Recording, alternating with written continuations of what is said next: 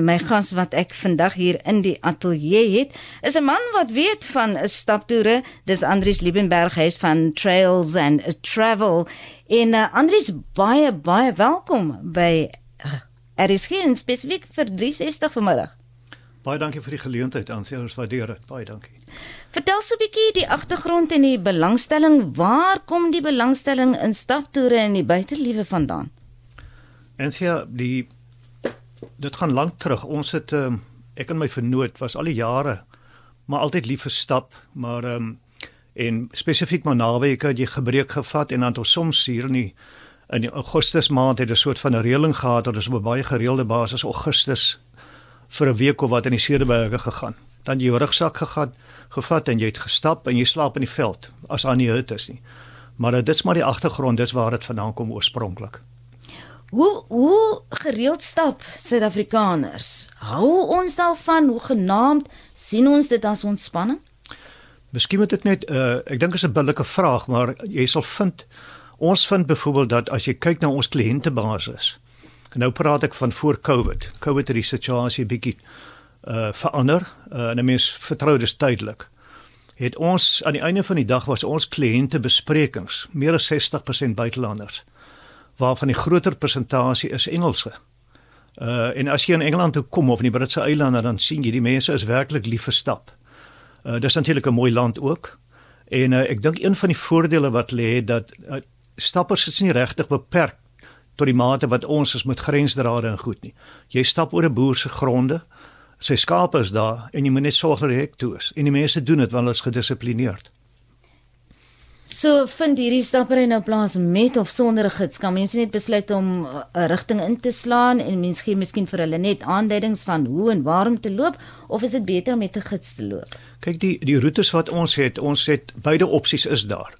En sekere van ons roetes uh kan ons 'n gids gee as dit nodig is, maar dit is nie werklik nodig nie. Ek dink waar die gids in ons geval 'n belangrike rol speel en as spesifiek net maar kyk na die Wes-Kaap. Uh op al ons roetes in die Wes-Kaap probeer e ons eers vir die kliënte 'n gids gee vir die eerste oggend, sê vir 'n uur of 3, waar hulle vir hulle vertel wat is fynbos. Wanneer jou probleem is die leekstap in die veld, hy weet nie wat is werklik fynbos nie. Soeters gehad as jy kyk in 2017 met die groot droogte. Buitelanders kom hier aan, ook Suid-Afrikaners. Uh hulle gaan stap, hulle kan nie verstaan ons praat van 'n droogte maar die berge is groen nie en die daai 3 uur word dan eintlik gebruik voor die stap om vir hulle te verduidelik hoe is die plante groei aangepas om te oorleef in ons warm, winderige, droë somers. So dit is nodig. So dis eintlik ook maar 'n opvoedkundige uitstapie aan die einde van die dag as jy gids het wat vir jou mooi kan verduidelik dit rondom jou en wat daaraan gaan. Definitief so. Kyk die die rol van die gids want deesdae met die roetes wat jy kan aandui elektronies ook uh is dit relatief maklik om op die pad te bly. Jy hoef nie almekaar te lees nie. Jy kan die streepies sien op jou op jou selfoon.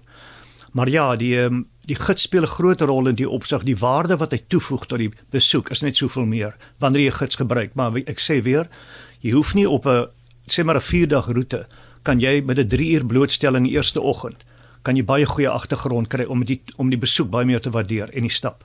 Ons praat nou saaklik oor stap Andries en dis nou per voet. Uh, maar dan kry mens ook fietsry wat kan plaasvind op daardie staproetes. Ja, ek wil miskien net voor ek by die fietsry kom, net een ding wat ek wil graag noem. Tradisioneel was ons stappe met 'n swaar rugsak op die rug en jy stap. Jy dra al jou goed saam. Uh my vernoot het seker so 15 jaar terug het hulle die Camino in Spanje gedoen. En hy en sy vrou teruggekom en ons het lank gesels oor hulle ervaring daar. En daar kom die beginsel in van slack packing waar jy stap deur die dag alhoewel die afstand redelik groot kan wees stap jy met net 'n dagsakkie op jou rug. So jy hoef nie swaar pak te dra nie. En dan kom jy by jou akkommodasie dan is jou bagasie klaar daar. En dan jy nou kies natuurlik van leaks of minder leaks. Maar dit dit maak die besoek net soveel makliker. Dit maak die stap soveel lekkerder. So jy het soveel meer tyd om rustig te spandeer in plaas van om te 'n swaar pak pak moet dra. So dit wil ek miskien net noem. Die fietsry uh aanvanklik het ons nie fietsry gehad nie. Ons kyk ons het begin uh bietjie meer as 10 jaar terug. Uh en die aanvanklik het ons besluit dit gaan stap wees en toe het fietsry intussen so gewild geraak dat ons gevoel het daar is 'n geleentheid dalk wat ons mis deur nie fietsry ook aan te bied nie. So wat wat die slack packing aanbetref, die fietsry werk maar op dieselfde beginsel. Die roete net alhoewel ry fiets en die bagasie word geskuif en jy het altyd 'n keuse wanneer jy bespreek of jy standaard en of jy 'n leek sal vat vir jou akkommodasie. Die natuurskoon van die Weskaap het ek vroeër na verwys ook die res van Suid-Afrika. Dit is 'n wonderskone land. Daar's baie om te sien. Ek is seker mense se monde hang oop wanneer hulle in die natuur kom want ons ken van hierdie plekke. Jy het verwys na die Cederberg. Ons hoor dit, maar ons weet nie hoe mooi dit regtig is totdat 'n mens daar kom en self gaan stap nie. Ja. Kyk die uh, dit is dis wel so. Kyk en ek ek nou na die Weskaap ver, verwys, maar dit geld vir hele Suid-Afrika. Hy bied soveel vir besoekers. En dit is dis hartseer dat veiligheid in sekere opsigte raak 'n probleem. Maar 'n mens moet maar voorkomend ook wees. En ons al ons staproetes is nooit 'n enkel persoon nie. Is altyd 'n minimum van 2. En uh die fietsry kan ons ook sien is 'n is 'n mark wat redelik groei en die beginsel is maar dieselfde, jy weet jy jy ry by die dag met die fiets X kilos en dan vanaand kry jy akkommodasie en dan kan jy lekker in 'n luukse plek gaan stort en vir jou aantrek en jy kan vanaand gaan eet in 'n restaurant. Jy hoef nie die veld te sit jou eie kos te maak nie. En dit werk. Ekskuus ek net daarby byvoeg miskien. So jy vind dat die mark nou is is ouer persone. So jy praat van sê maar tussen 40 en 50 tot ons het al stappers gehad wat so oud soos 80 is wat uit die buiteland uit kom. Andries, ek dink nou net dat jy sê ouer persone tussen 40 en 50 en baie van ons se wenkbroue lig nou van ons is daar en ons dink nie noodwendig ons is ouer persone nie. nee, ek, kom ek stel dit reg. Ons het kyk ons stap het begin toe ons, ons laat tienerjare was en jy het vir baie jare gestap, maar jy vind dat baie van die stappers ook is al mense met families. Hmm. As ek as ek praat van ouer. So dit is meer gevestigde mense as studente is nie ons mark regtig nie. Hmm. Hulle doen hulle eie ding. Ja. Maar dit kan ook 'n wonderlike familie saamtrek op 'n manier wees as 'n mens nou kyk na die verskillende groepe en die hmm. ouderdomsgroepe dat ouma en oupa saam met kleinkinders en hulle kinders drie geslagte saam uh, kan gaan stap. Ja, kyk is ideaal vir families. Uh as jy as jou kinders net laat laat gemaklik, ek sal sê in hulle tienerjare, want die, die afstande is nie noodwendig so lank nie. En uh jy kan dit doen, ja. Ek dink natuurlik belangrik met die kinders is jy moet dit net doen en seker maak dat hulle dit geniet. As hulle dit nie geniet nie, gaan hulle nooit weer in die toekoms verstap nie. So dis 'n belangrike balans wat jy moet probeer hou.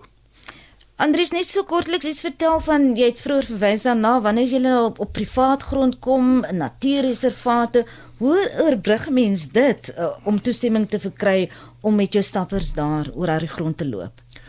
En vir ons moes wat die wat die stappe aanbetref by die privaat grond moes ons vooraf waar jy oor 'n boer se plaas gaan stap het ons formeel toestemming gekry en daar's oor die inkomste geteken wat ons verantwoordelikhede is, wat ons risiko's is. En teen daai agtergrond sal hulle dan toelaat om te stap. En die reëling is dan ook verder wanneer ons stappers het, sal ons vooraf hulle sê daar kom soveel mense deur dat hulle bewus is wie oor die grond gaan kom. En baie van die plase het toegangsbeheer, jy weet, so hulle moet jou kom hulle moet jou toelaat. Maar dit is is belangrik dat jy weet wat jou verantwoordelikheid is en die stappers moet ook weet wat die onderlinge reëling met die grond uit daar is. Ja, ons moet klaar gesels aan Andrius Liebenberg eh, van Trails and Travel met wie ek oor stap toere gesels vanmiddag hier in 360. Watter rol speel die weer? Die Met beplanning natuurlik. Ja, nee, nou kyk kyk die Weskaap se weer is seker die mees onvoorspelbare, van die mees onvoorspelbare in Suid-Afrika. Maar is interessant en mense is geneig. Kyk, Augustus is ons natste maand. En dit is baie interessant. Ons hou nou al meer as 20 jaar se statistiek. As jy selfs 'n maand soos Augustus vat, wat ons natste maand is, is die gemiddelde dae wat dit gereën het vir die laaste 20 jaar in Augustus is iets soos 6 dae. Met ander woorde, jy het Die waarskynlikheid is daar dat jy kan selfs in daai Augustus maand kan jy 20 goeie dae om te stap. Dit mag bewolk wees, daar mag wind waai, maar dit reën nie. So baie van die stappe kan jy dan nog steeds doen. Maar ja, dit is dit speel 'n rol en ook natuurlik van die roetes in die hoogsomer. Hier Februarie, Januarie is nie so lekker nie want dit raak te warm in ons berge. Wanneer die winter is die berge beter want jy het baie vloeiende water, jy kan drink ook en uh, dit maak dit net meer aangenaam. Andries en die mense met jou in verbinding wil tree hoe nou gemaak? Uh, ons webtuiste is trailsandtravel.co.za. trailsandtravel.co.za. Ja. Hulle kan daarop ingaan en dan kan hulle enige tyd vir ons as enige navrae het of so maar dit dit maak voorsiening dat hulle kan deurkom. Ek dink dis die maklikste reële.